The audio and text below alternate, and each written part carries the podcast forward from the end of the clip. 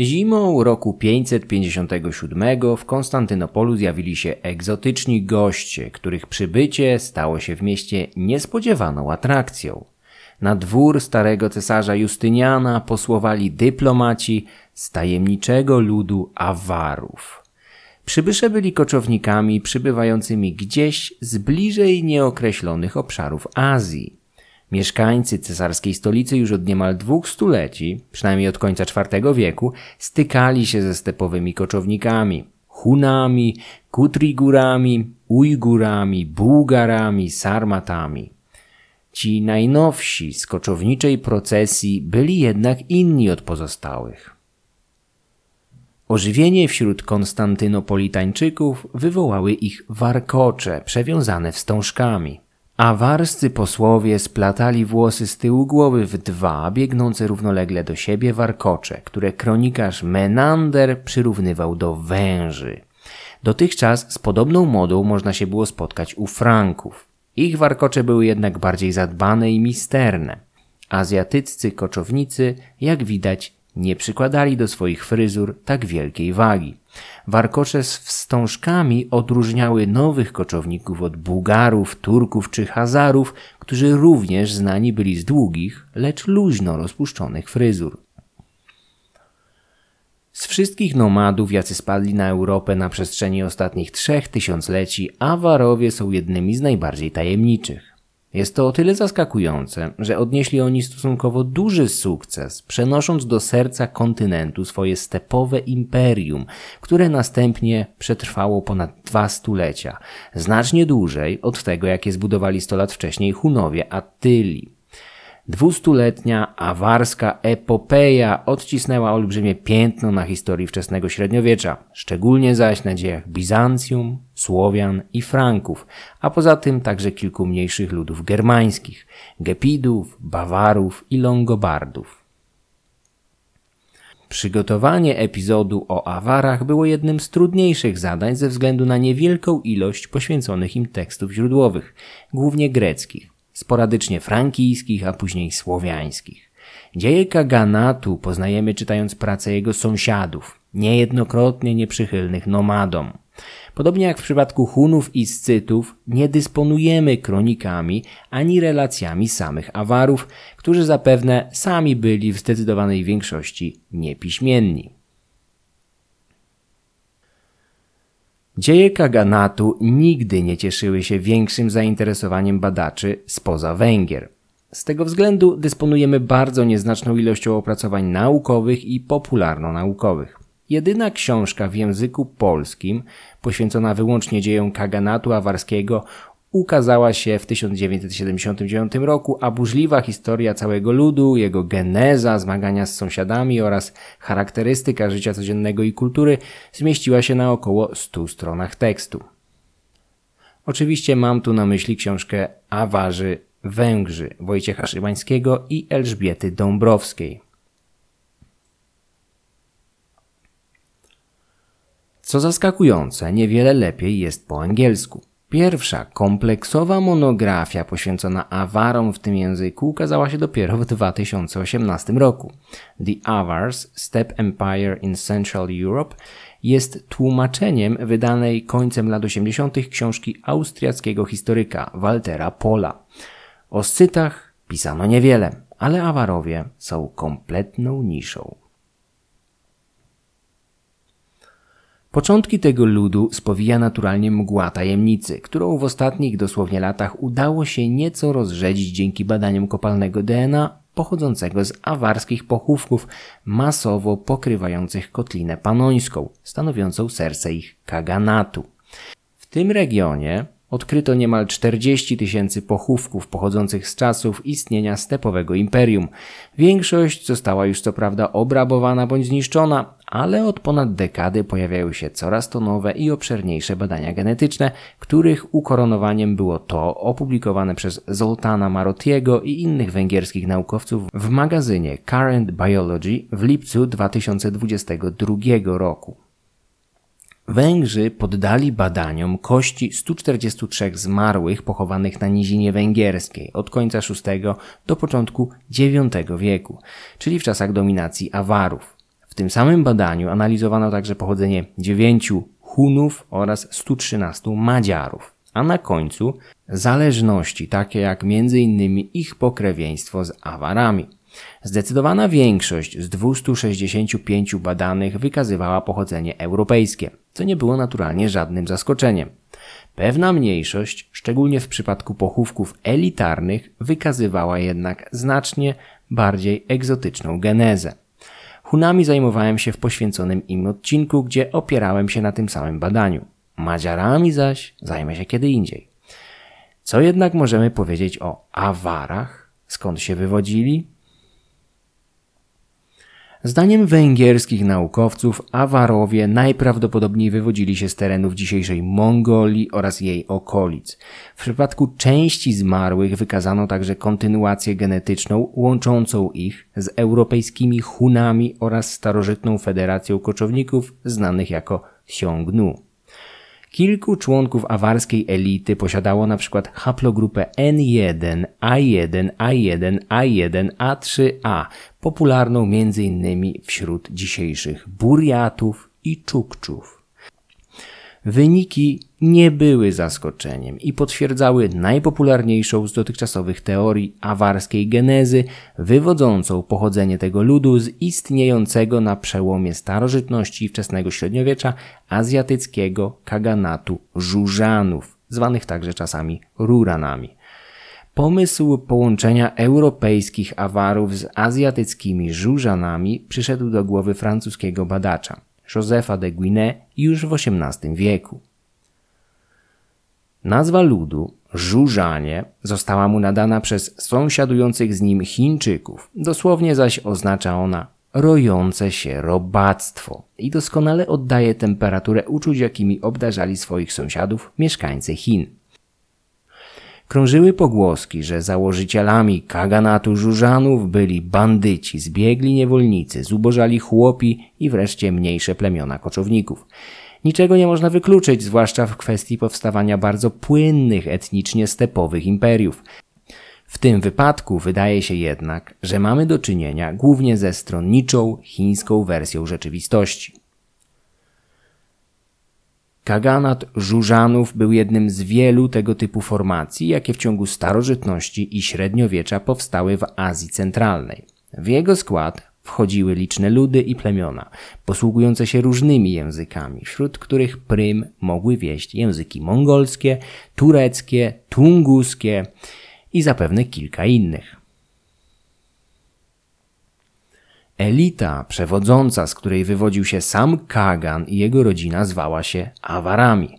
Wyjaśnienie tego etnonimu na polu etymologicznym jest właściwie niemożliwe, chociaż możemy spotkać się z mniej lub bardziej popularnymi hipotezami. Jedna z nich mówi, że etnonim ów wziął się z mongolskiego słowa abarga, oznaczającego węża. Taka geneza jest prawdopodobna, zwłaszcza jeżeli weźmiemy pod uwagę skłonność do zapuszczania długich, kojarzących się z pełzającymi gadami warkoczy oraz ogólną popularność dzikich zwierząt wśród plemion Wielkiego Stepu. Jest to oczywiście tylko hipoteza. Kaganat Żużanów, Awarów miał powstać w 338 roku i istnieć około dwóch stuleci. Jego zasięg rozciągał się od Mandżurii na wschodzie przez Mongolię oraz Kazachstan na zachodzie. Granice te były płynne, bowiem stepowe imperia wyznaczały swój zasięg nie ziemią, ale ludami, jakie znajdowały się pod berłem Kaganów. Jednym z ludów podległych awarskim Kaganom byli autajscy Turkuci. Ludzie ci tłumaczyli swoje pochodzenie mitem, który z pewnością rozpoznaliby starożytni Rzymianie, chociaż nawet dla nich całość wydawałaby się groteskowa i dość okrutna. Turkuci mieli wywodzić się od pewnego chłopca, potomka jednego z arystokratycznych rodów Hunów. Chłopca w jednej wersji legendy miano porzucić na pastwę dzikich zwierząt, w innej zaś był ścigany przez siepaczy nowego Kagana. Gdy ci dopadli go wreszcie, ulitowali się nad nim. Zamiast zamordować młodzieńca, odrąbali mu ręce i nogi, zostawiając go na pewną śmierć. W tym momencie zaopiekowała się nim samotna wilczyca, która broniła go i karmiła swoim mlekiem. W końcu odbyła z nim stosunek, a zapłodniona nasieniem księcia Hunów urodziła potomstwo Turkutów, czyli przodków ludów tureckich. Turkuci nigdy nie zapomnieli skąd pochodzili. Zawsze uważali się za wilcze plemię, idąc do boju pod sztandarami z łbem tego drapieżnika. Turkuci znani byli z wojowniczości oraz biegłości w obróbce metali i produkcji broni, którą zasilali awarskich kaganów. W wieloetnicznym kaganacie odgrywali co najwyżej drugie skrzypce. Mieli jednak ochotę na więcej. Gdy awarskiemu imperium zagroziło wrogie plemię Telesów, Turkuci pod wodzą Tumyna postanowili pokazać Awarom swoją przydatność i sami uderzyli na Telesów, rozbijając ich w proch i pył. Po tym zwycięstwie Tumyn, pełen dumy ze swoich osiągnięć, wysłał do Kagana Anaguja prośbę o sojusz, prosząc jednocześnie o rękę jego córki. Awarski Kagan, zamiast podziękować Turkutowi, odesłał do niego wysłannika z reprymendą. Jego zdaniem Tumyn był nikim więcej jak tylko wytapiaczem metalu, a wysunięta przezeń propozycja była przykładem jego bezczelności. Urażony do żywego Tumyn z miejsca zabił awarskiego posłańca, zrywając tym samym wszelkie relacje z nimi. Mariasz zaś zawarł z Chińczykami i tak wzmocniony rozpoczął wojnę z dawnymi zwierzchnikami. Imperium Żużanów, Awarów miało okazać się kolosem na glinianych nogach, który prędko posypał się pod ciosami wojowniczych Turkutów. W 552 roku atakowany z wszystkich stron Kagan Anaguj popełnił samobójstwo, a Turkuci eksterminowali pozostałych przy życiu członków jego rodziny. Pokonani żużanie Awarowie musieli uznać zwierzchnictwo dawnych sług, wytapiaczy, jak zwali Turkutów. Ci zaś, którzy zwlekali, byli tropieni i tępieni niczym dzikie zwierzęta. Kilka tysięcy Awarów zdołało zbiec do chińskiej zachodniej dynastii Wei, gdzie zdołali znaleźć schronienie w tamtejszej stolicy, Chang'an. Do miasta prędko jednak przybyli posłowie Turkutów domagających się wydania ludzi, których nowy Kagan, Tumyn, uważał za swoją własność. Nomadzi, nieważne, Hunowie, Awarowie, Turkuci czy Mongołowie przywiązywali olbrzymią wagę do podbitych ludów, uniemożliwiając im uniezależnienie się. Samo opuszczenie domen Kagana nie rozwiązywało sprawy, jak zresztą zobaczymy w przypadku Awarów. Chińczycy z dynastii Wei ulegli naleganiom Turkutów i wydali im 3000 awarskich zbiegów. Dorosłych mężczyzn, szczególnie tych z arystokratycznych rodów, spętano i zamordowano jeszcze przed bramami miasta. Ocalały jedynie kobiety, dzieci i służący. Niezależność Awarów skończyła się w 556 roku. Turkuci zbudowali na gruzach ich imperium swoje własne, jeszcze większe od poprzedniego, a ich władca przyjął tytuł Kagana, który można by próbować tłumaczyć jako odpowiednik europejskiego cesarza.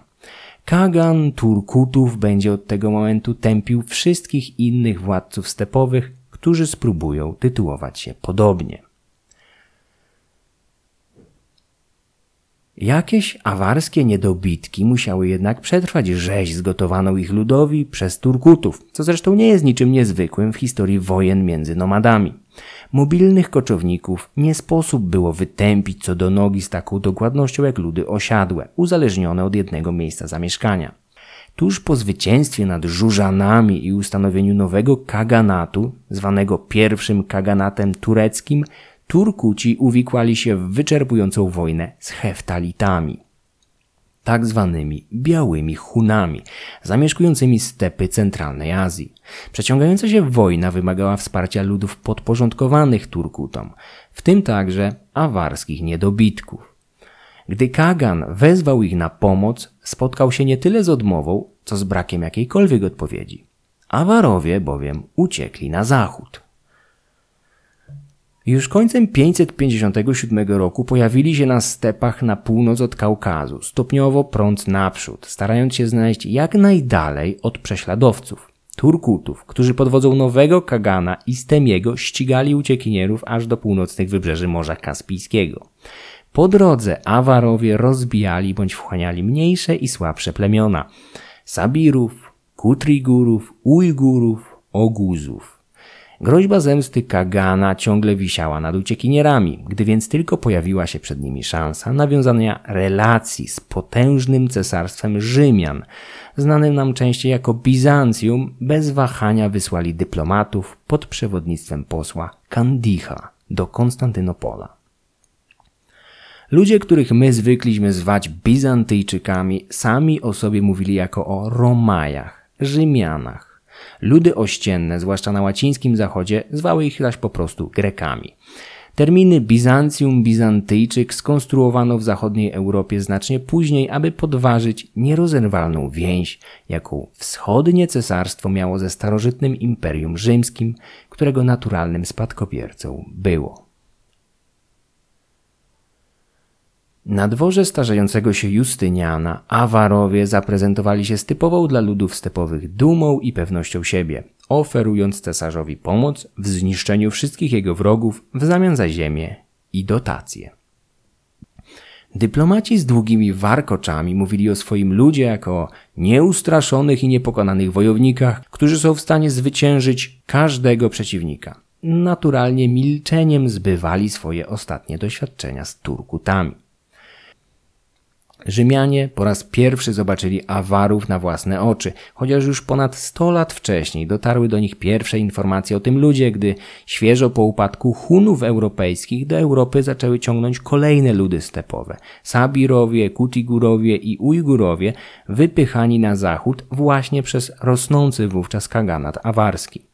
Justynian z chęcią zaakceptował ofertę nowych nomadów, których zamierzał wykorzystać do temperowania problemów, jakie miał na Bałkanach ze Słowianami i Kutigurami, regularnie napadającymi na pozbawione wojsk prowincje naddunajskie. Justynian jest znany jako jeden z największych cesarzy, odnowiciel imperium, którego wojny pozwoliły odzyskać Afrykę, Italię oraz część Półwyspu Iberyjskiego.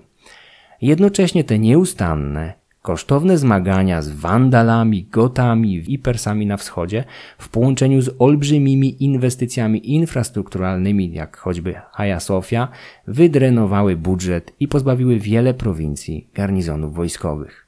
Imperium nie było w stanie skutecznie bronić prowincji bałkańskich.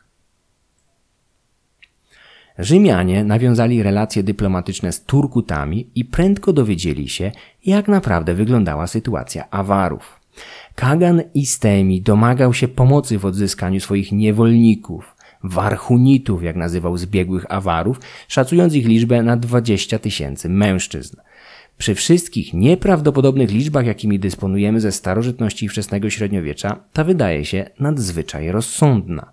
Cały lud musiał liczyć nie więcej niż 100 tysięcy osób. W tym momencie oczywiście nie była to już grupa jednolita etnicznie ani językowo. Do dzisiaj nie wiemy, jakim językiem posługiwali się Awarowie, gdyż nie zachowały się po nich żadne, poza kilkunastoma runicznymi inskrypcjami, zabytki piśmienne.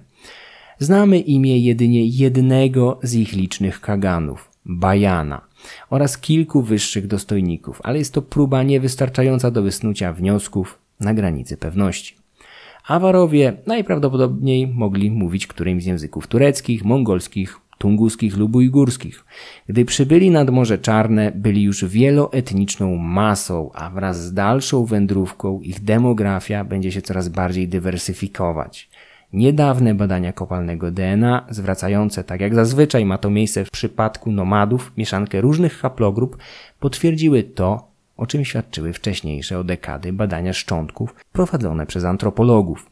W Kaganacie można było znaleźć przedstawicieli wszystkich etnosów, od Mongolii przez Azję Centralną aż po środkową Europę. Rzymianie nie spieszyli się z zawiązywaniem silniejszych sojuszy z gośćmi ze stepów. Zależało im bowiem na dobrych relacjach z potężnymi Turkutami. Konstantynopol od setek lat toczył wielkie wojny na wschodzie z Persami, odziedziczone jeszcze po Zjednoczonym Cesarstwie Rzymskim. Granica przebiegająca mniej więcej tam, gdzie dzisiaj Turcja spotyka się z Iranem, a Syria z Irakiem, była najgorętszym regionem starożytności, o który Rzymianie toczyli przez osiem stuleci walki, najpierw z Partami, a potem Persami. Zwaśnione strony pogodzą w VII wieku dopiero Arabowie. Wzrost imperium Turkutów, konkurującego z Persami o kontrolę nad jedwabnym szlakiem, był dla Konstantynopola szansą na sojusz szachujący od wiecznych wrogów. Persowie z kolei, widząc rodzenie się groźnego sojuszu, rozpoczęli rozmowy z Chińczykami zawsze chętnymi do uszczuplenia sił Turkutów. Z czasem dojdą również do porozumienia z Awarami. Rzymianie starali się przekupić Awarów jak najniższą ceną, dodatkowo nie wzbudzając gniewu Turkutów. Gdy rzymscy dyplomaci podczas jednej z misji na dwór awarskiego Kagana przypomnieli mu, że jeszcze niedawno uciekał przed Turkutami, wściekły Kagan nakazał ich uwięzić. Nosił się również z zamiarem zgładzenia posłów, ale następnego dnia przekonany przez dostojników wypuścił ich. Konstantynopol będzie ciągle używał tureckiej karty w przetargach z awarami, strasząc ich potencjalnym uruchomieniem interwencji ich dawnych panów. Po dłuższych negocjacjach ustalono, że Awarowie otrzymają prawo do osiedlenia się w Pannonii i na nizinach naddunajskich. Po drodze zaś rozprawiał się z napotkanymi plemionami. Wtedy też doszło do pierwszego kontaktu z plemionami Antów, powszechnie uważanymi za słowiańskie.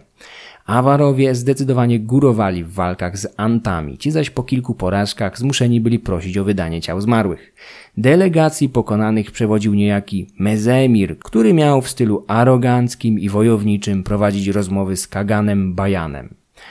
Ten zaś, pragnąc sprowadzić Słowian nieco bliżej parteru, kazał pozbawić Mezemira głowy. Po tym pokazie siły negocjacje wróciły na bardziej akceptowalne dla Kagana tory.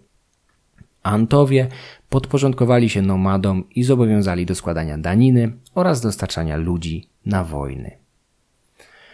Pannonia, do której zawitali Awarowie, błyskawicznie wpadła im w oko, tak samo jak wcześniej Hunom.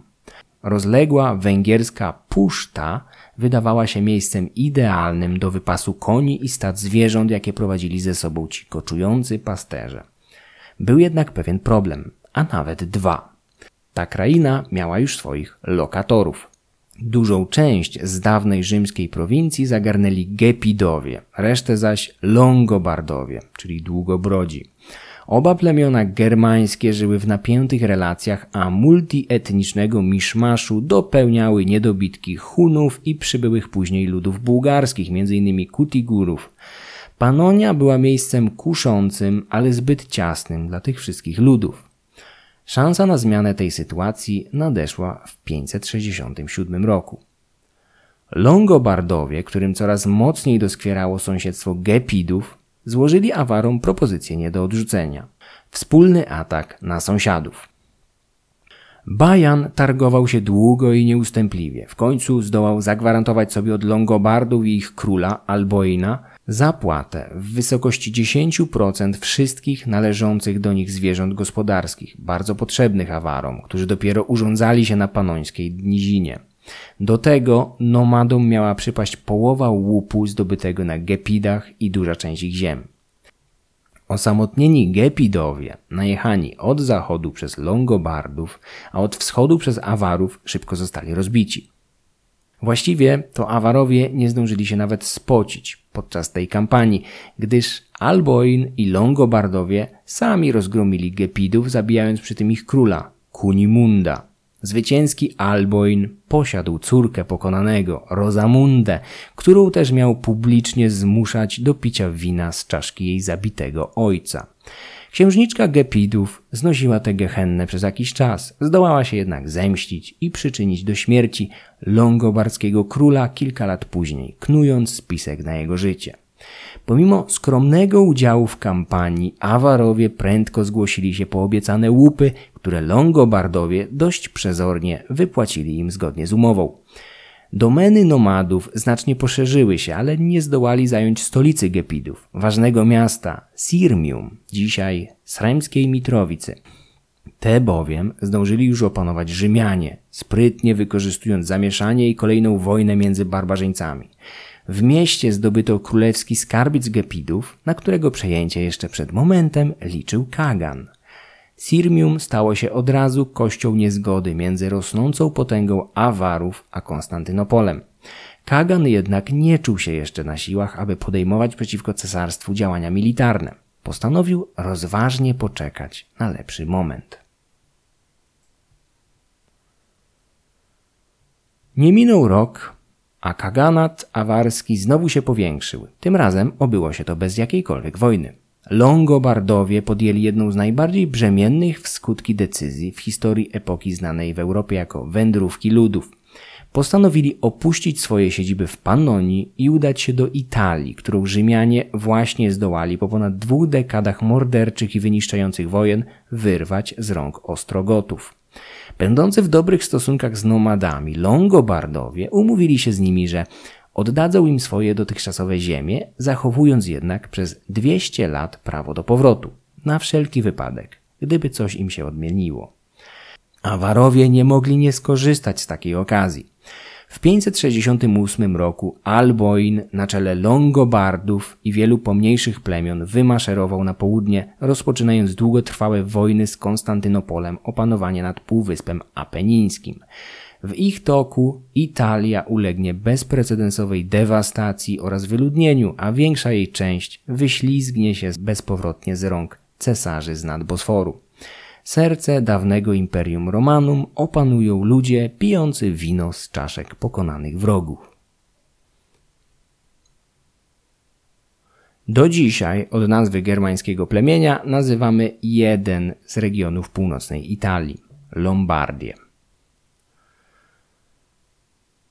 Odejście Longobardów po dziś dzień budzi wiele pytań i gorących debat szczególnie wśród niemieckojęzycznych historyków. Nie wszyscy mieszkańcy longobardzkiej Panonii odeszli na południe.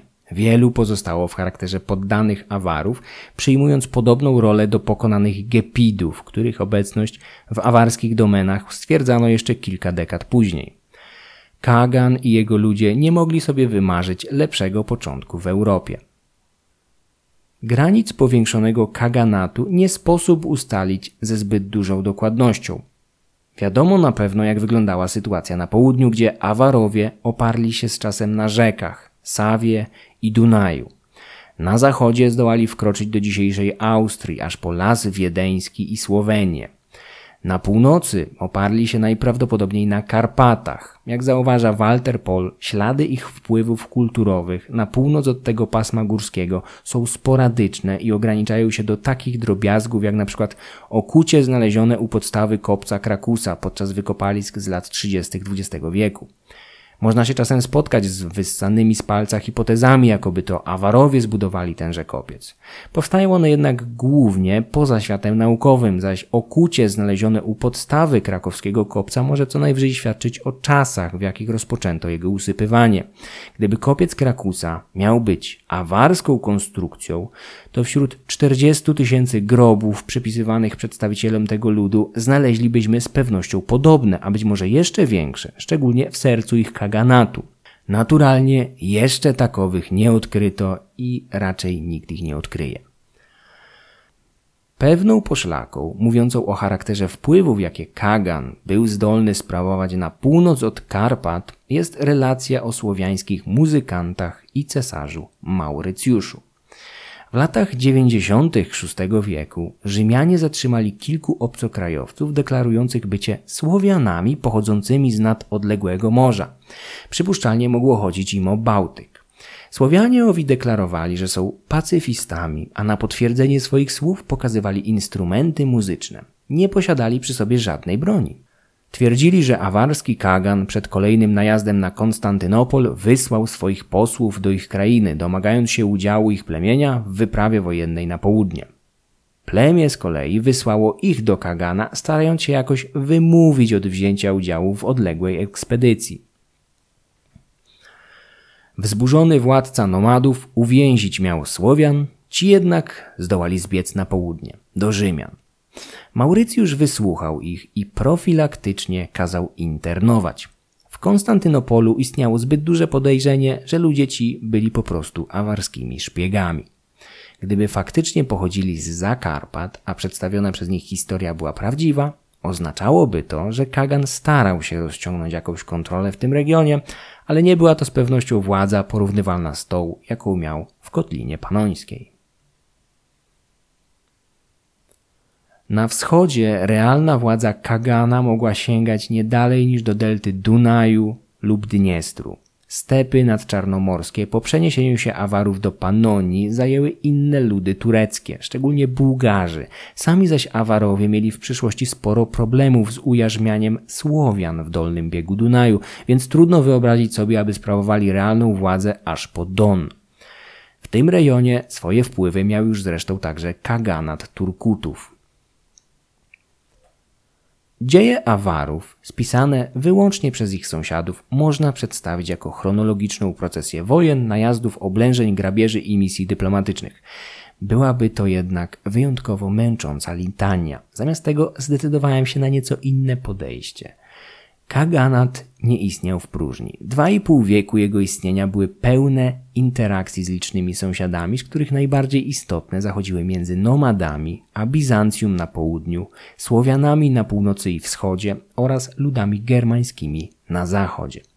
Pewną istotną rolę w dziejach Awarów, zwłaszcza od drugiej połowy VII wieku, odegrali także Bułgarzy nadciągający ze wschodu, wypychani ze swoich nadczarnomorskich siedzib przez rosnącą potęgę Hazarów.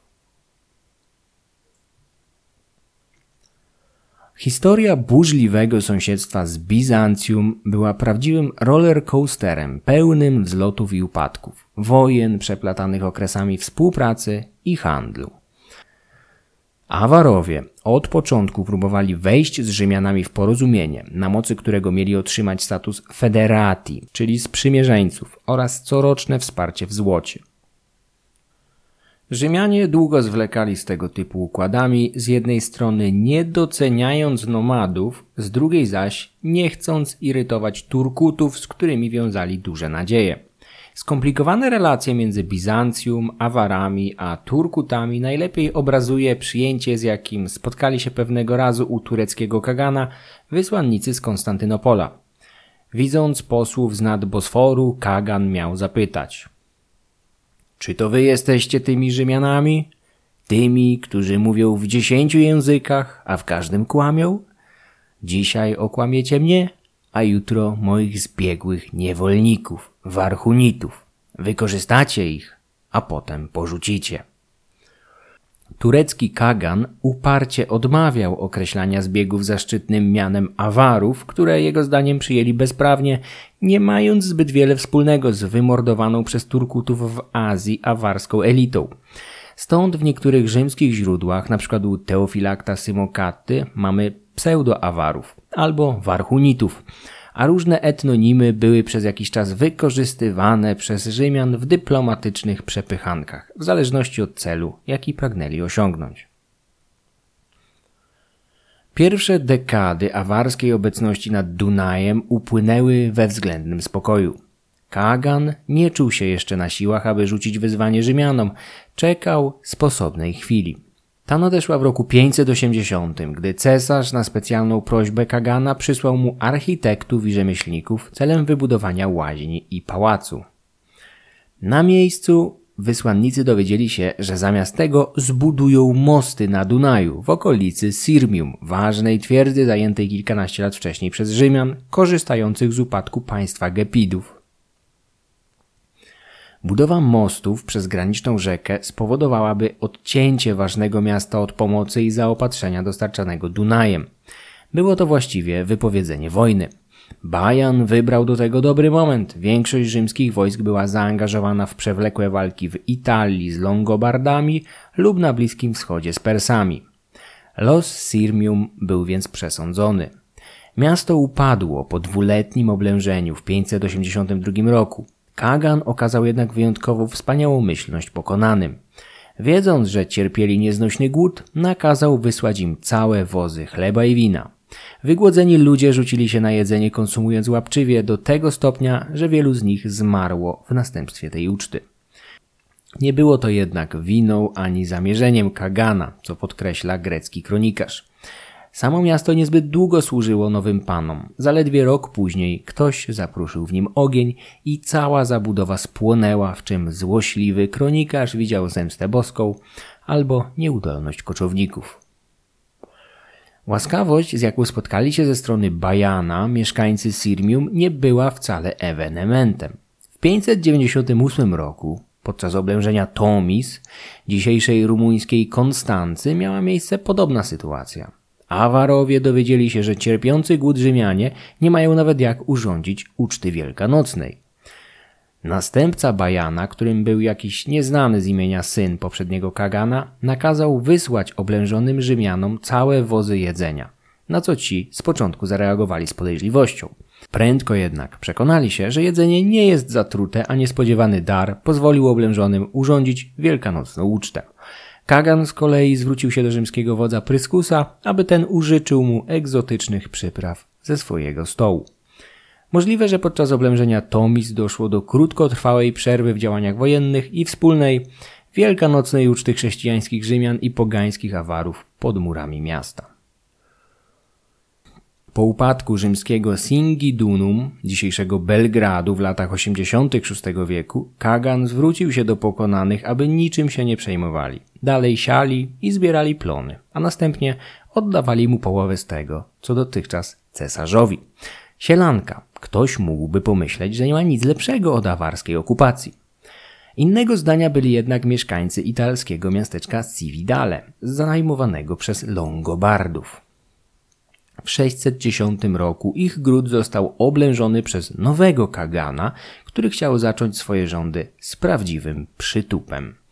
Oblężeni Longobardowie nie mogli liczyć na żadną pomoc z zewnątrz, więc żona miejscowego księcia, Romilda, przekonana gładkimi słowami i urodą młodego Kagana, otworzyła przed nim wrota miasta.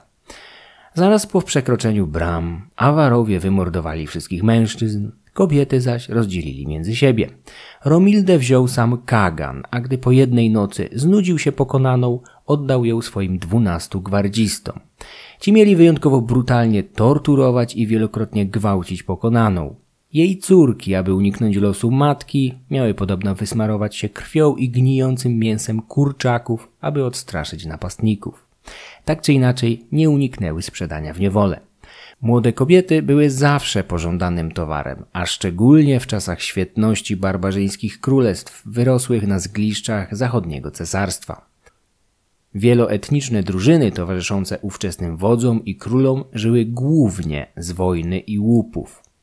Proces powstawania feudalnej arystokracji, która będzie żyła głównie z ziemi oraz pracujących na niej rolników, dopiero się rozpoczynał. Społeczeństwa wojownicze, a zwłaszcza koczownicze, miały również zgodnie z zasadami gościnności wręczać cudzoziemskim dyplomatom młode niewolnice na noc.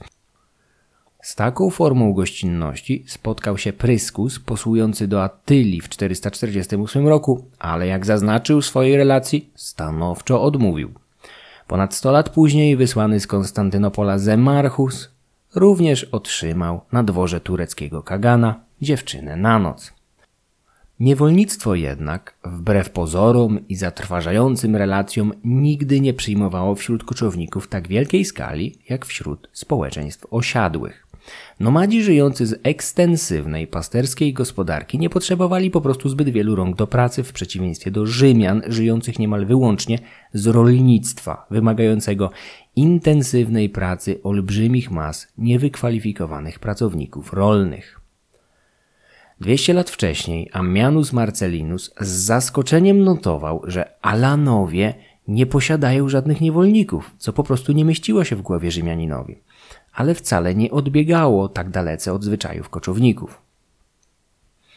Awarowie, podobnie jak wcześniej Hunowie, większość schwytanych jeńców sprzedawali z powrotem po zakończeniu działań wojennych pokonanym, ewentualnie wymieniali ich na swoich. Rzadkością były przypadki takie jak w 598 roku, gdy cesarz Maurytiusz miał odmówić Kaganowi odkupienia rzymskich jeńców, głównie cywilów, po solidzie za głowę. Jeden solid równał się wówczas trzymiesięcznemu żołdowi piechura w armii rzymskiej, była to więc niska cena. Po spotkaniu się z odmową, Kagan spuścił cenę o połowę. Gdy i to nie podziałało, obniżył cenę jeńców do jakiejś absurdalnie niskiej kwoty, aby tylko się ich pozbyć, gdyż nie widział w nich żadnego pożytku. Uparty Maurycjusz miał rzekomo i tym razem odmówić. Wyprowadzony z równowagi Kagan kazał więc wyciąć jeńców co do nogi. Badania awarskich grobów z VI i VII wieku wykazały, że jedynie 10% pochowanych nie posiadało absolutnie żadnych przedmiotów osobistych, takich jak noże, ceramika czy prosta biżuteria. Archeolodzy najczęściej uważają te pochówki za należące do niewolników, a ich niewielka liczba potwierdza przypuszczenia o niewielkim odsetku niewolnej populacji.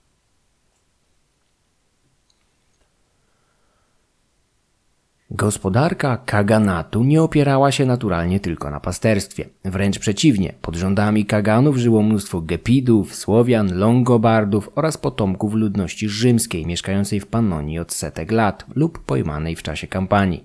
Ludzie ci mieszkali w swoich wsiach, które niczym osady służebne były zobowiązane do przekazywania awarskim panom określonej części płodów rolnych bądź zimowania koczowników w okresach niesprzyjających wypasowi. Frankijski kronikarz Fredegar zanotował liczne wymuszenia, jakich dopuszczali się Awarowie zimą na osiadłej ludności, szczególnie na Słowianach. Frank mówi, że Awarowie podczas zimowej hiberny goszczeni byli przez poddanych sklawenów, biorąc sobie ich żony do łoża. W podobnym tonie wypowiada się ruska powieść minionych lat, której autor, nazywający Awarów obrami, mówi, cytuję, Ci obrowie wojowali Słowian, podbili Dulebów, którzy są Słowianami i niewiastom dulebskim gwałty wyrządzali. Jeśli Obrzyn miał jechać, nie kazał wprzęgać do telegi ani konia, ani wołu, jeno kazał zaprząc trzy, cztery lub pięć niewiast, aby wiozły Obrzyna. Tak to ciemiężyli Dulebów. Koniec cytatu. Charakter relacji łączących Awarów ze Słowianami jest jedną z największych zagadek otaczających dzieje Kaganatu. Już w drodze do Pannonii Awarowie ujarzmili Antów, którzy będą przez jakiś czas pojawiać się jako ich poddani i sojusznicy aż do lat 80. VI wieku, kiedy to zniknął z kart historii po jednej z karnych ekspedycji Kagana. W 579 roku Bajan zażądał od jakiegoś słowiańskiego wodza Daurentiusa uległości i oddania części łupów, jakie ten zdołał w ostatnich latach zdobyć na południe od Dunaju na Rzymianach hardy Słowianin miał odrzec: To my najeżdżamy innych, a nie inni nas. To, co zdobyliśmy, pozostanie nasze. Następnie kazał zabić awarskich posłów. Ta krótka wymiana uprzejmości skończyła się dla jego plemienia tragicznie, gdyż Bajan nie mógł pozostawić takiej impertynencji bez odpowiedzi. Słowianie brali udział w większości awarskich najazdów na cesarstwo w ciągu pięciu dekad od oblężenia Sirmium w 582 roku aż do nieudanego ataku na Konstantynopol w 626 roku. Poza tym prowadzili także własne ofensywy, takie jak nieudany szturm na Saloniki w 586 roku. Awarowie byli przez te kilka dekad stroną wyraźnie dominującą, niejednokrotnie wykorzystującą Słowian jako mięso armatnie, tak jak podczas szturmu Konstantynopola. Po jednej z kampanii przeciwko Rzymianom, zakończonej podpisaniem pokoju, Kagan nie miał nic przeciwko temu, aby rzymskie wojska przekroczyły Dunaj i dokonały masakry mieszkających tam Słowian, nominalnie jego poddanych, którzy ciągle rabowali Rzymian. Po zakończonej misji zgłosił się tylko z pretensjami, żądając swojego udziału w łupach, jakie Rzymianie zdobyli na jego naddunajskich poddanych. Z drugiej jednak strony, gdy Słowianie podjęli zachodnią ekspansję i wkroczyli do Bawarii, ponosząc przy tym spore straty, to Awarowie uratowali im skórę z zaskoczenia wycinając 2000 Bawarów. Walter Pohl stwierdza, że Słowianie na Bałkanach najczęściej działali w zależności od Awarów, chociaż zdarzało im się podejmować własne inicjatywy. Niemożliwością było jednak działanie wbrew Kaganowi. W kontekście Awarów pojawia się nawet określenie wewnętrznych i zewnętrznych Słowian. Ci pierwsi mieli być zależni od Kagana, zaś ci drudzy byli plemionami niezależnymi, żyjącymi na peryferiach stepowego imperium. We wczesnym średniowieczu, jak i zresztą później, nie istniała żadna zjednoczona słowiańszczyzna, stąd też nie można spodziewać się, że każdy Słowianin był poddanym lub sojusznikiem koczowników z Panonii. Awarowie i Słowianie szybko zaczęli tworzyć tak nierozłączny tandem, że niektórzy bizantyjscy kronikarze używali czasem określenia Awar dla jednych i drugich. Tym bardziej, że jak zauważył Jan z Efezu, Słowianie prędko zaczęli przyswajać sobie awarski styl walki i uzbrojenia, tworzyć oddziały mobilnej kawalerii i po pewnym czasie trudno było ich odróżnić od koczowników. Ulegali postępującej awaryzacji. Archeolodzy badający groby z czasów awarskich w Kotlinie Panońskiej stają przed nie lada wyzwaniem, gdyż odróżnienie rdzennych awarów, którzy sami w sobie byli mieszanką różnych azjatyckich ludów i plemion, od gepidów, Słowian czy Longobardów nie jest proste. Zazwyczaj jest wręcz niemożliwe. Skalę etnicznego miszmaszu w Kaganacie dobrze obrazuje historia pewnego gepickiego kosmopolity, pojmanego przez Rzymian na północ od Dunaju podczas jednej z ekspedycji przeciwko Słowianom. Gepida okazał się bardzo cennym i ciekawym nabytkiem. Był chrześcijaninem mieszkającym wśród pogańskich Słowian, których język sobie przyswoił. Do tego znał również awarskie pieśni. Korzystając z wysokiej pozycji i zaufania, do jakiego doszedł wśród Słowian, zgodził się wprowadzić ich w rzymską zasadzkę. W Kaganacie ciężko mówić nawet o jakiejś homogenicznej awarskiej kulturze, chociaż z upływem czasu, szczególnie w VIII wieku, faktycznie daje się zauważyć tworzenie czegoś na kształt lokalnej, jednolitej kultury. Ta jednak przy bliższym spojrzeniu łączyła w sobie wiele elementów zaczerpniętych z krajów ościennych, szczególnie z Bizancjum. Niektórzy badacze określają nawet kulturę kaganatu jako peryferyjny odłam kultury bizantyjskiej. Cechą charakterystyczną było bowiem wszechobecne wśród awarów i podległych im ludów naśladownictwo bogatego sąsiada z południa, szczególnie zaś jeżeli chodziło o symbolikę związaną z władzą. Konstantynopol był dla kaganatu dostawcą towarów luksusowych i złota, zdobywanego podczas grabieży, handlu, wymiany jeńców lub trybutów. Na przestrzeni kilku dekad łączących VI i VII stulecie roczny trybut wynegocjowany przez kolejnych kaganów rósł stopniowo z 80 do 200 tysięcy solidów rocznie. Finalna kwota pozwalała na wypłacenie rządu dla 50 tysięcy rzymskich piechurów. Można sobie w tym miejscu zadać pytanie, dlaczego Rzymianie opłacali trybut zamiast rozwiązać problem siłowo? Najprościej byłoby porównać sytuację, w jakiej znalazł się Konstantynopol, do tej, w której znajduje się ofiara mafii. Płacąc haracz, wzmacniasz ją, ale jak nie zapłacisz, to przyjedzie jakiś słowik czy inny kanarek i połamie ci ręce. To jest najprostsza odpowiedź, nie tłumacząca jednak całości zagadnienia. Prowadzenie wojny praktycznie zawsze poza zwycięskimi wojnami ofensywnymi przeciwko zamożnym przeciwnikom było mniej opłacalne od trybutu eufemistycznie zwanego darami lub prezentami. Zaborcze wojny Justyniana ogołociły Bałkany z wojsk, które utknęły na Bliskim Wschodzie oraz w Italii. Nieliczne siły pozostawione w silnie ufortyfikowanych naddunajskich garnizonach nie były w stanie skutecznie zapobiegać najazdom koczowników i Słowian, poruszających się w niewielkich grupach, zdolnych omijać umocnienia. Sytuacja ulegała jednak dużej zmianie, gdy w rzadkich okresach uspokojenia na innych frontach Rzymianie byli w stanie zgromadzić sporą armię na Bałkanach, tak jak miało to miejsce w latach 96 wieku. Wojska generała Pryskusa zdołały wówczas zadać kilka kolejnych klęsk awarom, a nawet spustoszyć ziemię Kaganatu na północ od Dunaju. Pomimo zwycięstw w polu nie można było określić kampanii zupełnym sukcesem, gdyż mobilny przeciwnik po prostu zaczął unikać walnych starć. Sfrustrowani Rzymianie ograniczyli się wtedy do masakr ludności służebnej. Jednej nocy mieli natrafić na trzy wioski gepidów, którzy jakby nigdy nic w środku wojny urządzili sobie jakiś suto zakrapiany festyn. Cywilów wymordowano, chociaż liczba 30 tysięcy zabitych przekazana przez kronikarzy jest z pewnością mocno, być może nawet stukrotnie zawyżona. Udane kampanie Pryskusa nie dawały nie tylko ostatecznego zwycięstwa, ale rzadko przynosiły również zyski. Rzymianie co do zasady nie znosili walki ze Słowianami, którzy byli znani z umiejętności do zastawiania skutecznych zasadzek.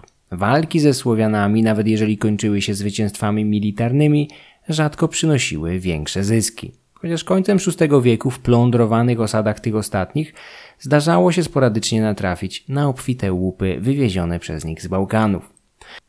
Roczny budżet wojenny cesarstwa, stanowiący zresztą większą część wszystkich państwowych wydatków, sięgał 6 milionów solidów, niezbędnych do utrzymania około 150 tysięcy szeregowych i oficerów, do tego jeszcze zwierząt, fortyfikacji i niezbędnej infrastruktury. Przekazywane awarom trybuty nigdy nie stanowiły dla cesarstwa kwoty niemożliwej do udźwignięcia, a były znacznie mniejsze od potencjalnych strat w wojnie obronnej. Dla awarów z kolei ten coroczny zastrzyk gotówki był niezbędny do utrzymania systemu opartego na relacji Kagana i jego elitarnych wojowników żyjących z wojen i trybutów. Kilka dekad transferów finansowych idących z Bizancjum na północ do Kotliny Karpackiej zapoczątkowało złotą epokę w tej drugiej. Nawet wcześniejsi Hunowie nie byli w stanie przyciągnąć tak wiele złota jak Awarowie, głównie dlatego, że ich potęga trwała znacznie krócej. Szacuje się, że w ciągu kilku dekad Konstantynopol przekazał Kaganom w ramach trybutów 27 ton złota, równowartość około 6 milionów solidów. Prosta kalkulacja potencjalnych zysków i strat kazała cesarzom trzymać się przede wszystkim dyplomacji, do wojny zaś uciekać się w ostateczności. Nieraz wiązało się to z koniecznością znoszenia impertynencji nomadów. Gdy Kagan dowiedział się, że cesarz Maurycjusz na skutek porozumienia z Persami wszedł w posiadanie 35 słoni, zwierząt, których nigdy wcześniej nie widział, wysłał delegację domagającą się w jego imieniu prezentu w postaci takiej bestii. Maurycjusz bez wahania wysłał jednego słonia Kaganowi, który bardzo chętnie obejrzał zwierzę, a następnie ostentacyjnie stwierdził, że spodziewał się czegoś bardziej imponującego. Słonia odesłano do Konstantynopola z żądaniem innego prezentu złotej sofy. Maurycjusz i tym razem wysłał taką kanapę, ale wkrótce otrzymał ją z powrotem wraz z wiadomością, że Kaganowi mebel nie przypadł do gustu, ale zadowoli się podniesieniem trybutu o 20 tysięcy solidów. Tym razem cesarz nie ustąpił. Wybuchła wojna. Do legendy przeszło wiarołomstwo awarów, przypisywane zresztą wszystkim koczownikom. Regularnie łamali zawarte traktaty, chociaż trzeba przyznać, że wcale nie częściej niż Rzymianie. Tuż przed oblężeniem Sirmium w 580 roku Kagan Bajan przysiągł na życie swoje i swojego ludu, że nie zamierza żadnych wrogich kroków wobec rzymskiego miasta. Kilka tygodni później rozpoczął jego oblężenie. Najbardziej spektakularnym przykładem na zdradliwość nomadów była próba porwania cesarza Herakliusza, podjęta podczas rokowań pokojowych pod Herakleją 5 czerwca 623 roku. Udający się ze swoją świtą i dworzanami w umówione miejsce cesarz został w ostatniej chwili ostrzeżony o awarskich jeźdźcach przyczajonych w sąsiednim lesie, którzy mieli go pojmać. Herakliusz natychmiast kazał zawrócić i gnając co sił do Konstantynopola zdołał umknąć depczącym mu po piętach napastnikom.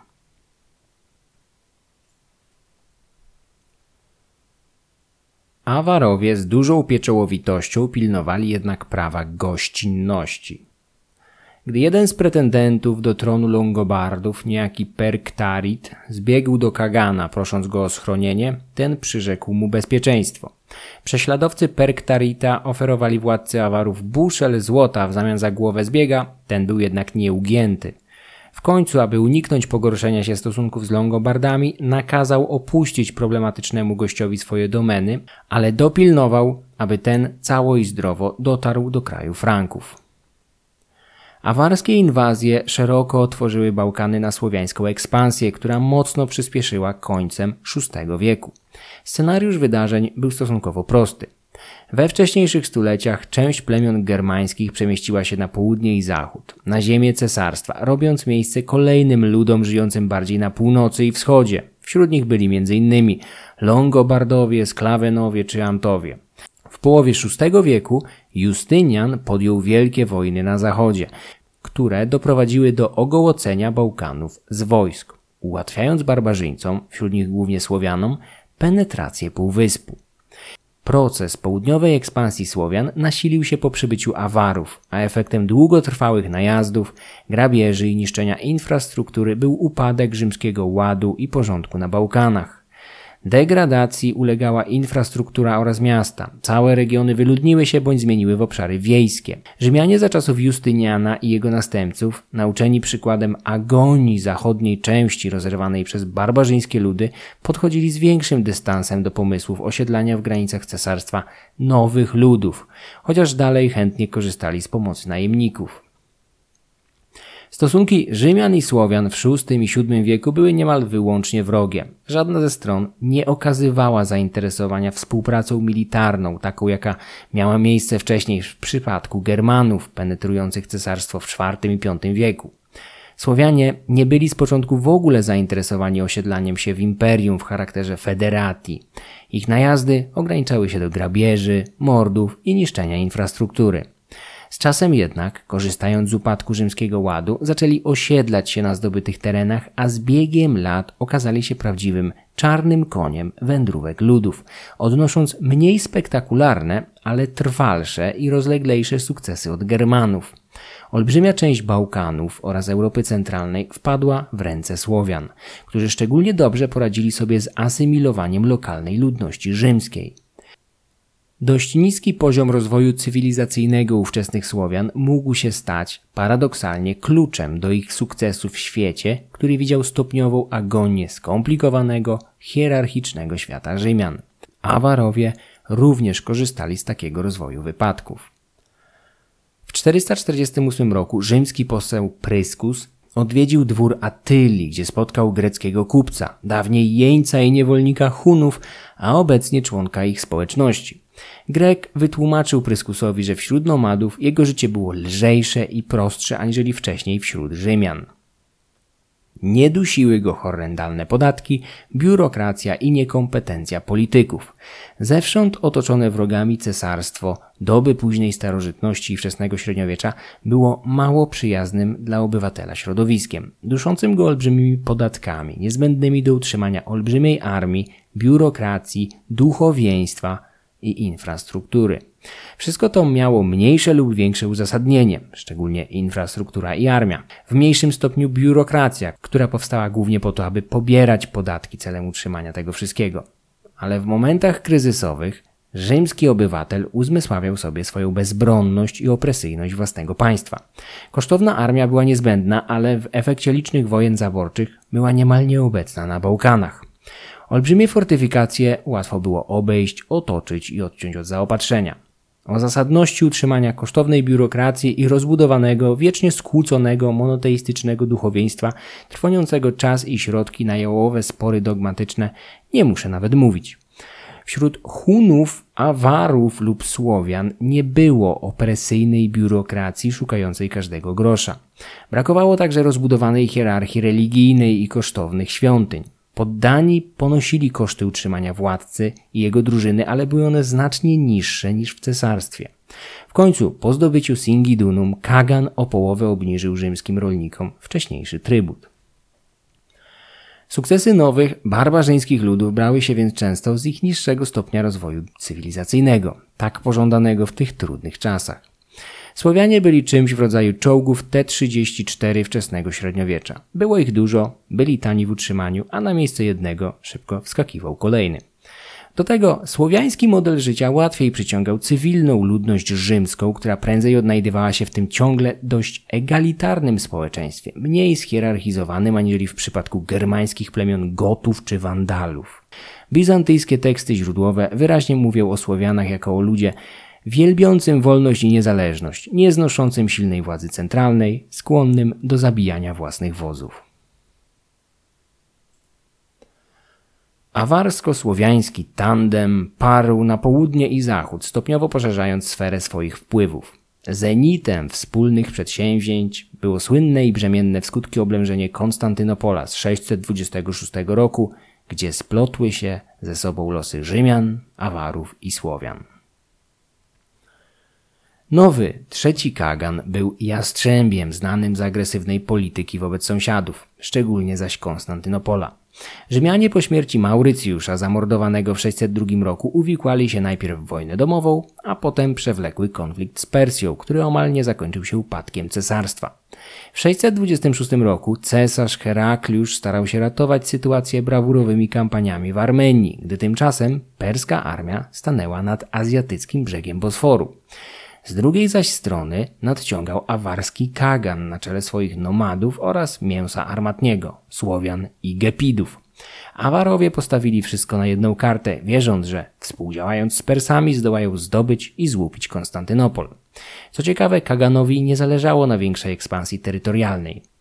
Nie wcielał do swojego państwa ziem tymczasowo opanowanych na południe od Dunaju. Nie widział w tym żadnego sensu. Ograniczał się jedynie do kontrolowania peryferiów cesarstwa.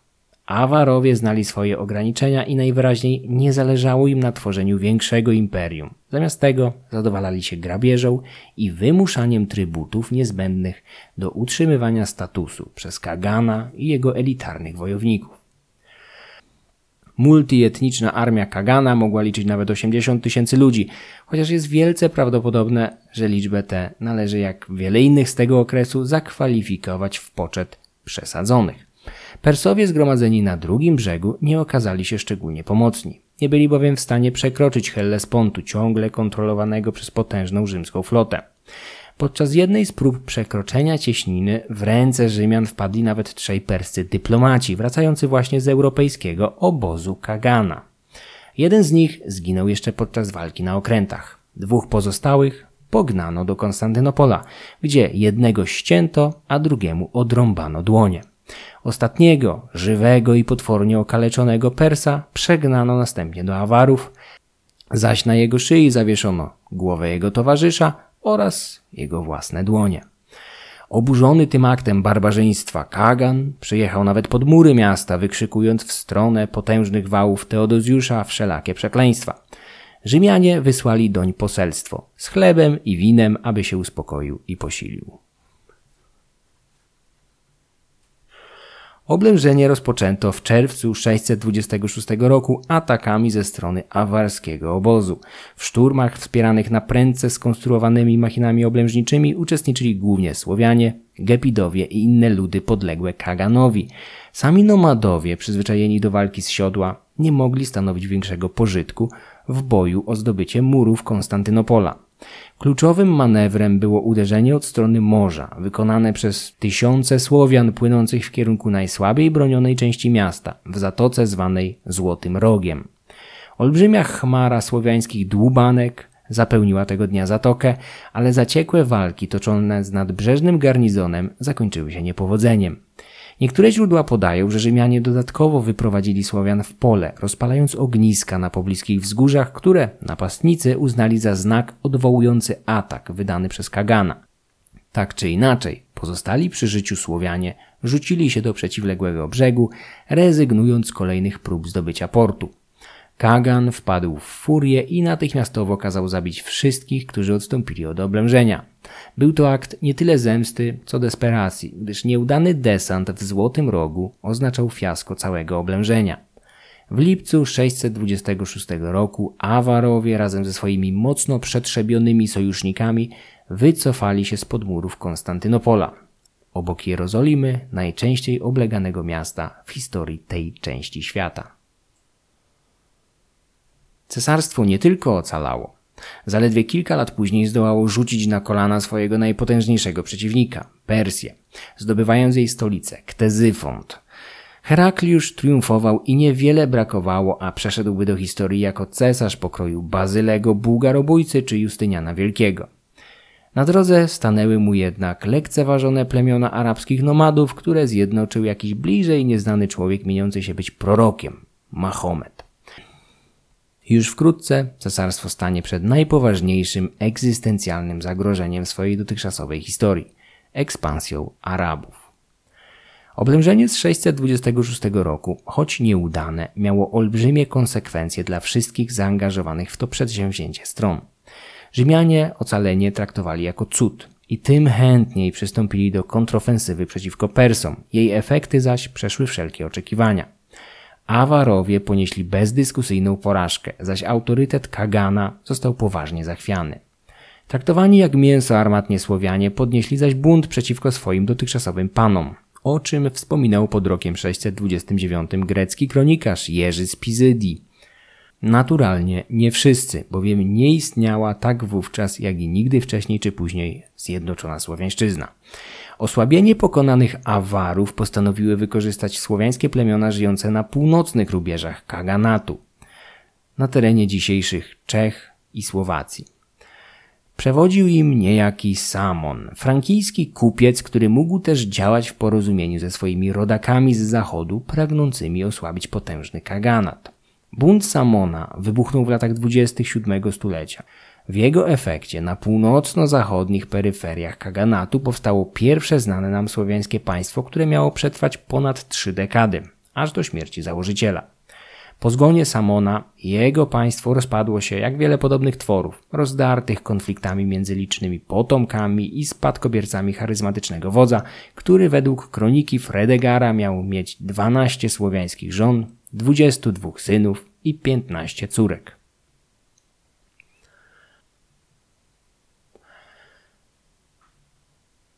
Przegnanie Awarów spod murów Konstantynopola i waśnie, jakie zapanowały w Kaganacie, w połączeniu z rzymskimi sukcesami na froncie wschodnim, skłoniły Rzymian do zaprzestania płacenia trybutu, bądź przynajmniej drastycznego zmniejszenia go.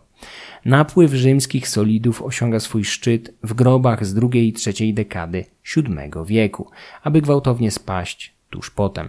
Kagan nie był już w stanie dyktować cesarstwu warunków, tym bardziej, że na horyzoncie pojawił się kolejny przeciwnik Bułgarzy. W latach 30. VII stulecia na Bałkany zaczęły przenikać grupy bułgarskich koczowników dowodzone przez Hana Kubrata.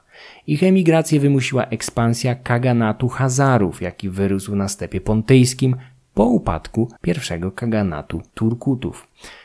Tych samych, spod władzy których uciekli w poprzednim stuleciu Awarowie. Bułgarscy koczownicy już wcześniej pojawiali się na Bałkanach i walczyli w szeregach kaganatu awarskiego, teraz jednak postanowili zająć jego miejsce. Źródła mówią o jakiejś wewnętrznej wojnie między Awarami i Bułgarami toczonej w kaganacie w latach 30. VII wieku, podobno wygranej przez Awarów. Część pokonanych bułgarskich poddanych Kagana miała wówczas zbiec do Bawarii, gdzie otrzymali z początku gościnę u miejscowej ludności. Na skutek nalegań Kagana, grożącego Bawarom nieprzyjemnymi konsekwencjami za ukrywanie zbiegów, Germanie wymordowali tych Bułgarów w 631 roku. Zwycięstwo Awarów w wojnie domowej nie zdołało jednak zapobiec powstaniu bułgarskiego Hanatu na wschodnich rubieżach ich Kaganatu. Było to zdarzenie o skutkach bezprecedensowych dla relacji Awarów i Bizancjum. Nowy Hanat bułgarski wbił się bowiem niczym klin między dwóch dotychczasowych przeciwników, stając się czymś na kształt buforu bezpieczeństwa. Od tego momentu wzajemne interakcje Awarów i Rzymian stopniowo zanikają. Ostatni odnotowany kontakt dyplomatyczny między dwoma państwami, o którym wiemy, miał miejsce w roku 678. W tym samym czasie kompletnie ustaje dopływ bizantyjskiego złota na teren Kaganatu, przerwany zapewne ze względu na wzrost potęgi bułgarskiego Hana Asparucha, syna Kubrata. Zanik relacji z Konstantynopolem i utrata znacznych połaci ziem, głównie kosztem Bułgarów, a także uniezależnienie się dużej części poddanych im wcześniej Słowian, doprowadziły do marginalizacji kaganatu, który w połowie VII wieku właściwie znika ze źródeł pisanych. Dotychczas niemal wszystkie informacje, jakimi dysponowaliśmy o awarach, pochodziły ze źródeł rzymskich, które od tego momentu będą skupiać się głównie na konfliktach z nowymi przeciwnikami. Persów zastąpią Arabowie, zaś Awarów Bułgarzy. Nieudane oblężenie z 626 roku, w którym Kagan postawił wszystko na jedną kartę, spowodowało serię niefortunnych dla jego państwa konsekwencji. Kaganat nie upadł jednak. Jakby tego było mało, miał przetrwać jeszcze niemal dwa stulecia. Pomogły mu w tym zmiany geopolityczne i względny spokój, jaki panował w środkowej Europie w VII i VIII wieku. Wędrówki ludów dobiegły kresu, a w sąsiedztwie Kaganatu nie było żadnego państwa na tyle potężnego, aby realnie zagrozić jego istnieniu. Bizancjum walczyło o przetrwanie zalewane przez kolejne fale arabskich ofensyw. Bułgarzy utrwalali swoje panowanie nad Dunajem. Słowianie, po krótkim epizodzie zapoczątkowanym przez Samona, byli jak zawsze skłóceni i rozproszeni. Państwa germańskie na zachodzie i w Italii z kolei nie stanowiły jeszcze realnego zagrożenia, a niektóre z nich, jak Królestwo Longobardów, utrzymywały z Kaganatem przyjazne stosunki. Awarom pomagała z pewnością sława otaczająca ich wojowników, która jeszcze podczas wojen z Frankami końcem VIII wieku będzie ciągle towarzyszyła ich znacznie już słabszym wówczas wojskom. Większość kampanii awarskich, o jakich wiemy, była prowadzona przeciwko Rzymianom. Obie strony wyraźnie szanowały się w polu. Awarowie byli w stanie osiągać zwycięstwa dość łatwo jedynie wtedy, gdy Rzymianie nie dysponowali wystarczającymi siłami na Bałkanach. W przeciwnym wypadku, gdy siły się wyrównywały, górą często bywało cesarstwo, szczególnie podczas kampanii Pryskusa z lat 96 wieku. Większe bitwy były jednak rzadkością podczas wzajemnych wojen. Oblężenie Konstantynopola było zaś spektakularnym uwieńczeniem pięciu dekad konfliktów i walk. Rdzenni Awarowie, jeżeli mogę użyć takiego bądź co bądź odbiegającego od realiów wieloetnicznego kaganatu wyrażenia, byli znani jako wyśmienici kawalerzyści. Zamożniejsi stanowili ciężką jazdę, walczącą głównie w zwarciu za pomocą długiej lancy. Biedniejsi zaś byli lekkimi konnymi łucznikami, odpowiedzialnymi za zwiat i prowadzenie osłabiającego przeciwnika ostrzału w pierwszych fazach bitwy. Gdy już wystarczająco zmiękczyli szeregi wrogów, spadała na nie ciężka kawaleria. Awarom przypisuje się upowszechnienie w Europie metalowych strzemion, wcześniej szerzej nieznanych w tej części Eurazji. Strzemiona dające jeźdźcowi większą stabilność podczas jazdy oraz walki błyskawicznie upowszechniły się wśród oddziałów kawalerii innych państw. Stabilność awarskiego kawalerzysty dodatkowo zapewniało siodło z wysokimi łękami, a ciało skrywało się pod łuskową zbroją opadającą od piersi aż po biodra. Budzący postrach, ciężki kawalerzysta mógł przed bezpośrednim starciem zasypać przeciwnika strzałami z kompozytowego łuku refleksyjnego, osiągającego do 150 cm długości, nieodłącznego elementu wyposażenia każdego szanującego się koczownika.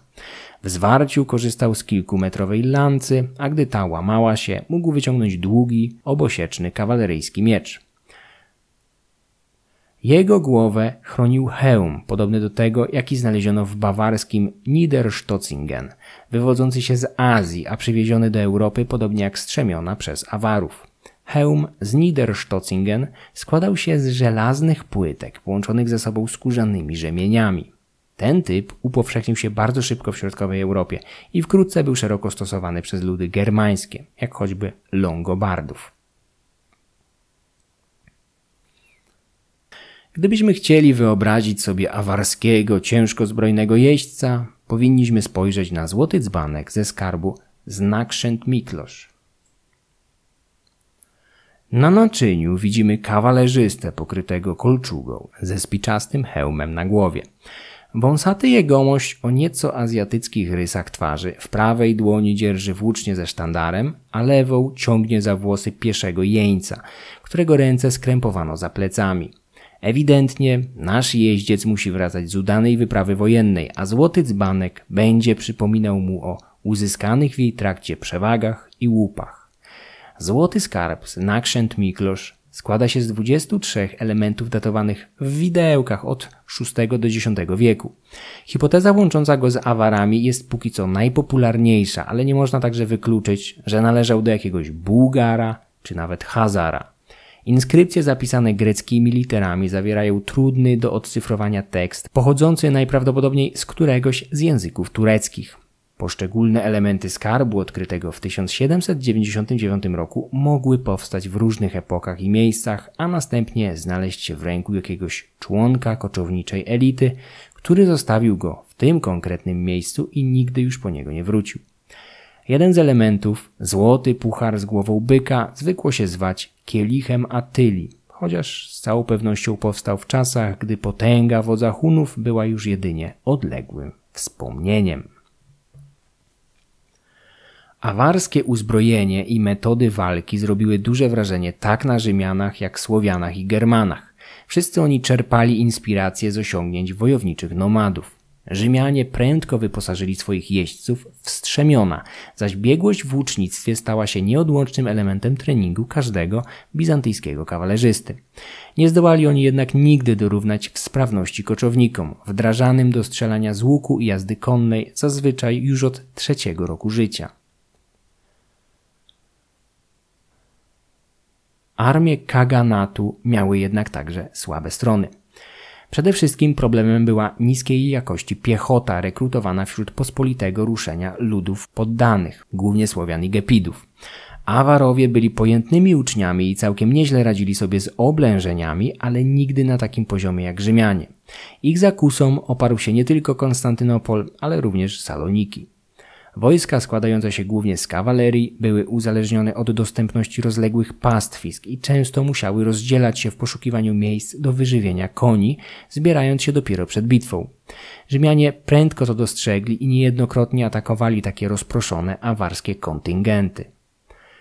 Na czele państwa stał Kagan, zasiadający na złotym tronie pod baldachimem, którego zakresu władzy, jak i mechanizmu wyboru nie znamy z dokładnością. Możliwe, że po nieudanym oblężeniu Konstantynopola w 626 roku doszło do walk wewnętrznych i prób ograniczenia samowoli Kaganów. Istnieją poszlaki wskazujące, że w późniejszej historii Kaganatu Kagan sprawował władzę dość symboliczną, natomiast realny wpływ na sprawy wewnętrzne, szczególnie armię, miał jakiś zastępca Jugurra. Po klęsce w wojnie z Frankami w 791 roku zabito zarówno Kagana jak Jugurrę, zdaniem poddanych odpowiedzialnych za niepowodzenia. Taki dualizm władzy pojawił się także u Hazarów, więc nie był czymś zaskakującym wśród ludów stepowych. Tytuły innych dostojników jak Tudun, Kapkan czy Tarkan nie mówią nam praktycznie nic konkretnego. Wysoką pozycję w hierarchii władzy miał z pewnością naczelny szaman, tytułowany jako Labras. W 582 ówczesny Labras zbiegł z państwa Awarów pod opiekę Rzymian. Kagan Bajan pragnął zgładzić go pod zarzutem uwiedzenia jednej ze swoich małżonek. Labras został gościnnie przyjęty w Konstantynopolu, gdzie służył odtąd jako doradca. Mamy jedynie mgliste informacje o religii Awarów, która musiała być jakąś odmianą szamanizmu i tengryzmu. W tych systemach wierzeń szaman, czyli Bokalabras, był jednostką niezbędną, za pomocą której żyjący nawiązywali kontakt z duchami i siłami nadprzyrodzonymi. Awarscy jeńcy, pytani przez Rzymian o swoją religię, mieli mówić. My czcimy jako bóstwa wizerunki wszelkiego rodzaju czworonogów, ogień i wodę, i nasze miecze. Trudno w ogóle kusić się o wyobrażenie sobie awarskiego panteonu czy systemu wierzeń. Być może nigdy nie istniał zresztą jeden zunifikowany system tego typu. Mnogość różnych ludów zamieszkujących kaganat owocowała współistnieniem różnych wyznań oraz synkretyzmów.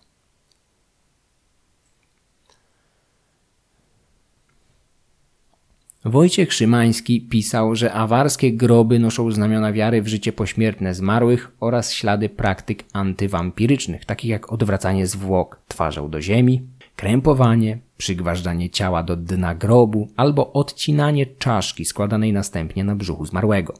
Poza nimi odkrywamy jednak trudniejsze do rozszyfrowania pochówki, pozbawione w ogóle głów lub zawierające cudze czaszki. Na cmentarzysku w węgierskim Gjör w grobie jednej z kobiet znaleziono trzy czaszki innych ludzi. Prawdopodobnie miały one zapewnić pochowanej magiczną moc zawartą w czaszkach innych ludzi, czyli najcenniejszej części ich ciała. Pogańskim praktykom położono, przynajmniej teoretycznie, kres na przełomie VIII i IX wieku, gdy w efekcie frankijskiego podboju państwo Awarów runęło jak domek z kart, a jego mieszkańcy musieli przyjąć chrzest. Chrystianizacja nie szła jednak zbyt gładko, a frankijscy misjonarze otwarcie narzekali na olbrzymie różnice kulturowe i bariery tworzone w nauczaniu ludzi niepiśmiennych i wychowanych w zupełnie odmiennym systemie wierzeń. Dysponujemy jedynie kilkunastoma inskrypcjami z czasów awarskich, przypisywanych temu ludowi, z czego najsłynniejsze są runiczne zapiski z węgierskiego Sarwasz. Język Awarów nie został do dzisiaj ze stuprocentową pewnością zidentyfikowany. Społeczeństwo awarskie było w swoim składzie oraz podziale klasowym podobne do innych ludów koczowniczych. Wśród elit z pewnością panowała poligamia, o której mówią źródła pisane. Po zdobyciu rzymskiego miasta Anchialus, leżącego w dzisiejszej Bułgarii, Kagan miał nakazać zburzyć niemal wszystkie zabudowania, z wyjątkiem łaźni, z których korzystać miały jego małżonki, podróżujące razem z mężem w czasie działań wojennych. Sam Kagan zaś miał wziąć z lokalnego kościoła szatę złożoną niegdyś w darze przez jedną z cesarzowych i ostentacyjnie paradować w niej po zgliszczach zdobytego miasta.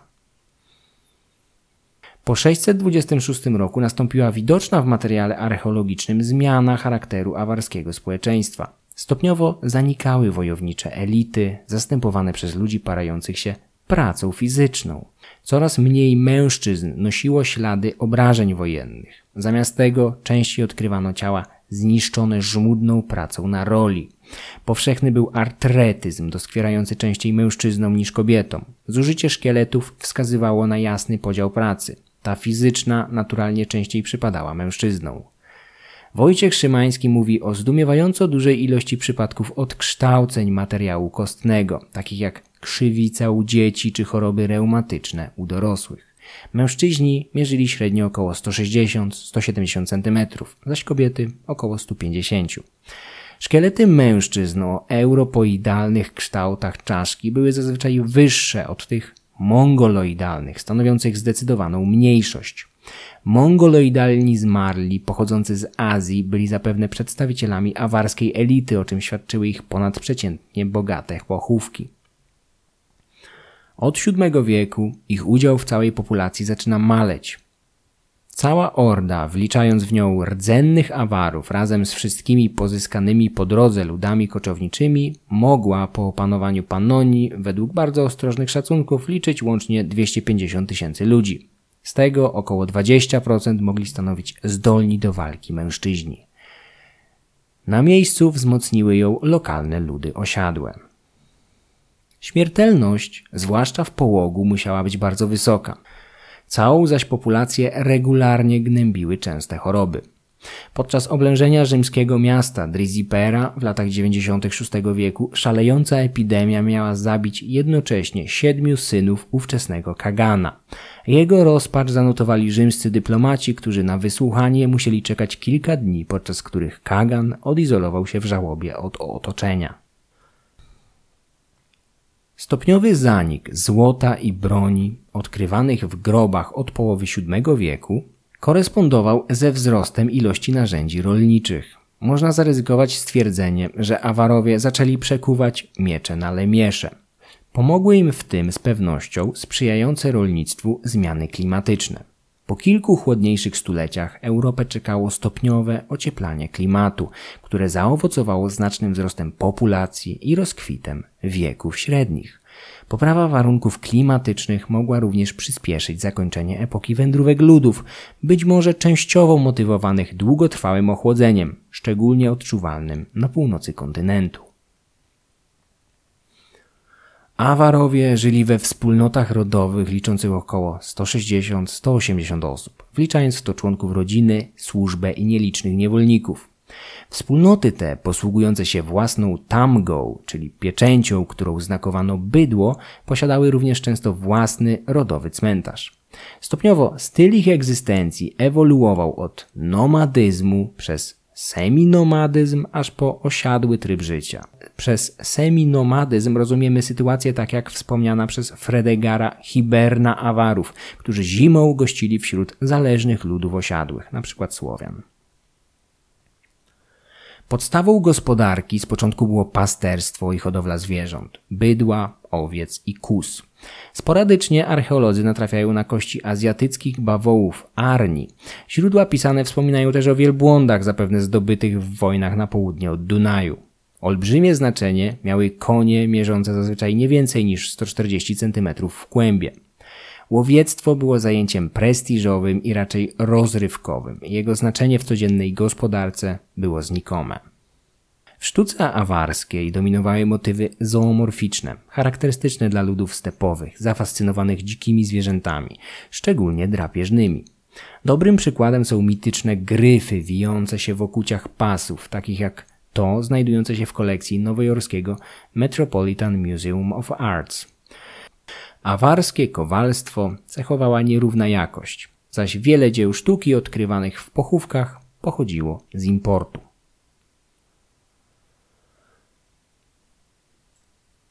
Historia kaganatu między 626 a 791 rokiem jest znana jedynie w strzępkach i to głównie dzięki archeologii. W tych czasach, znacznie spokojniejszych od wcześniejszych stuleci, znacznie pomniejszony kaganat zdołał przetrwać wśród osłabionych sąsiadów. Rzymianie toczyli zaciekłe wojny z Arabami i Bułgarami. Słowianie po śmierci Samona przez dłuższy czas nie byli w stanie stworzyć większych organizmów państwowych. Czasy państwa wielkomorawskiego jeszcze nie nadeszły. Germańskie królestwa na zachodzie były zbyt słabe, albo jak Longobardowie utrzymywały z Kaganatem poprawne stosunki. Wszystko uległo jednak zmianie pod koniec VIII wieku, gdy w państwie Franków do władzy doszedł pewien Karol, zwany Wielkim. Frankowie w toku wieloletnich wojen ujarzmili zarówno italskich Longobardów, jak większość plemion germańskich, w tym szczególnie Sasów. W efekcie tych kampanii stanęli u granic kaganatu.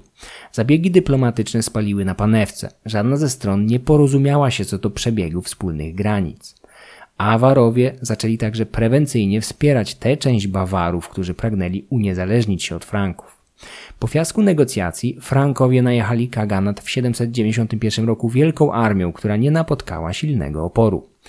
Spodziewając się ciężkich walk z osławionymi nomadami, Frankowie starannie przygotowali wyprawę i posuwali się do przodu bardzo ostrożnie. Kilkutygodniowa kampania nie przyniosła wielkich zysków terytorialnych, ale awarski opór był minimalny. Upadły nadgraniczne fortece, w ręce Franków wpadły znaczące łupy. Znacznie większym echem odbiła się jednak utrata prestiżu towarzyszącego awarom aż do tej pory. W efekcie udanej dla Franków kampanii z 791 roku Kaganat zatrząsł się w posadach. Wybuchły walki wewnętrzne. Życie stracił Kagan i jego zastępca Jugurra. Jeden z wysoko postawionych awarskich arystokratów, Tudun, bez ociągania się zbiegł do Franków i złożył hołd Karolowi.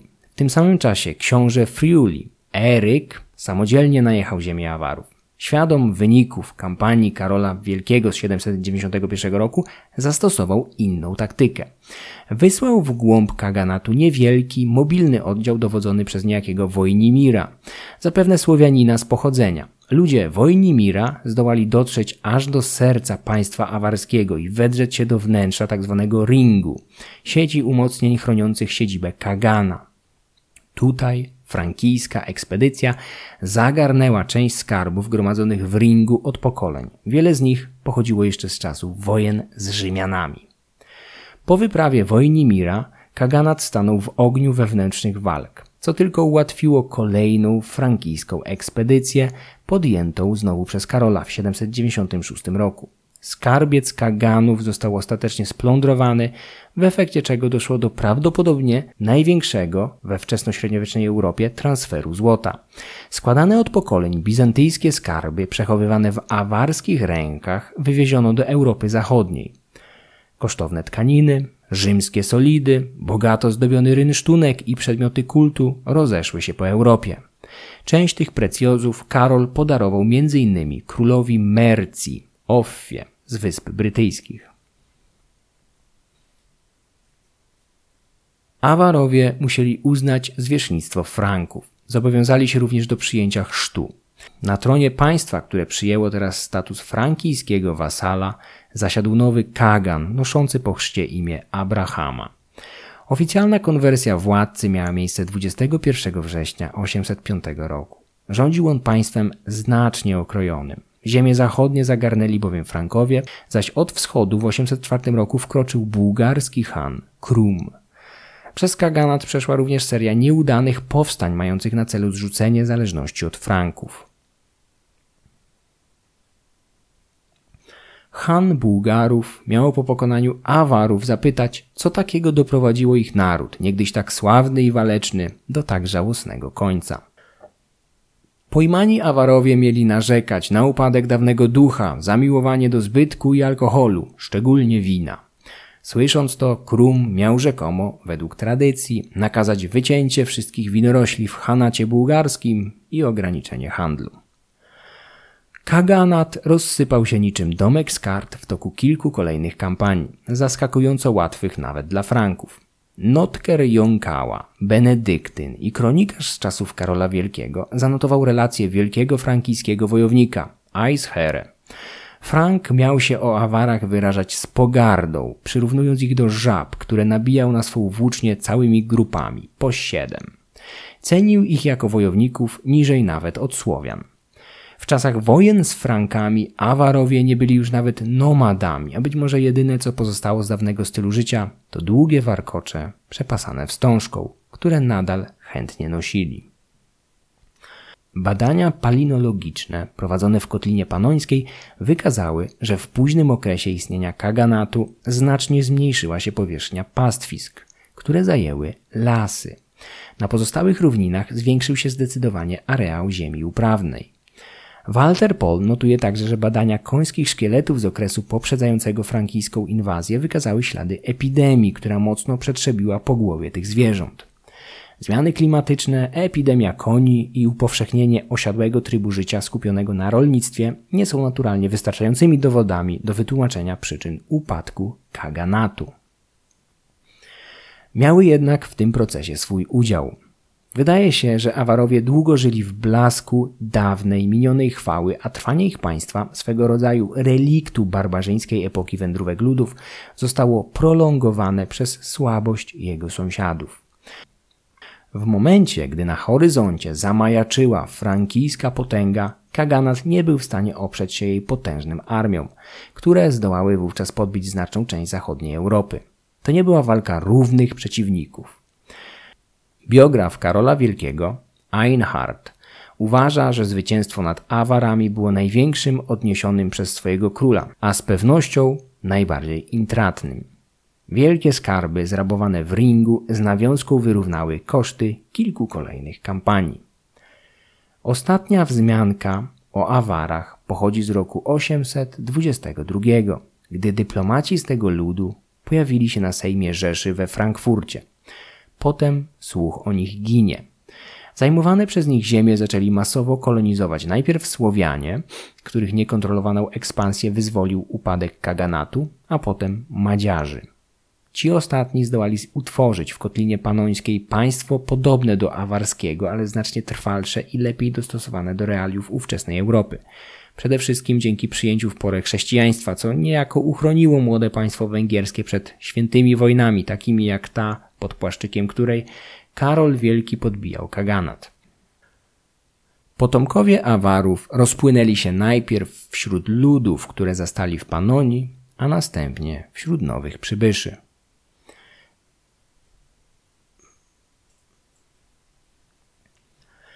Nagłe i zaskakujące dla niektórych im współczesnych zniknięcie tego ludu najlepiej oddają słowa powieści minionych lat. Cytuję. A byli obrowie wielcy, a hardzi umysłem, i Bóg zniszczył ich. Pomarli wszyscy, i ani jeden obrzyn nie pozostał. Jest na Rusi i po dziś dzień przysłowie. Zginęli jako obry, po których nie masz ani plemiennika, ni dziedzica.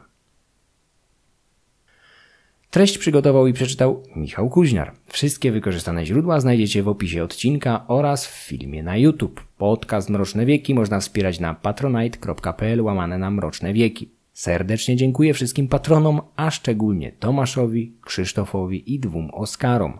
Filmy będące ekranizacją audycji można oglądać i komentować na YouTube, do czego wszystkich serdecznie zachęcam.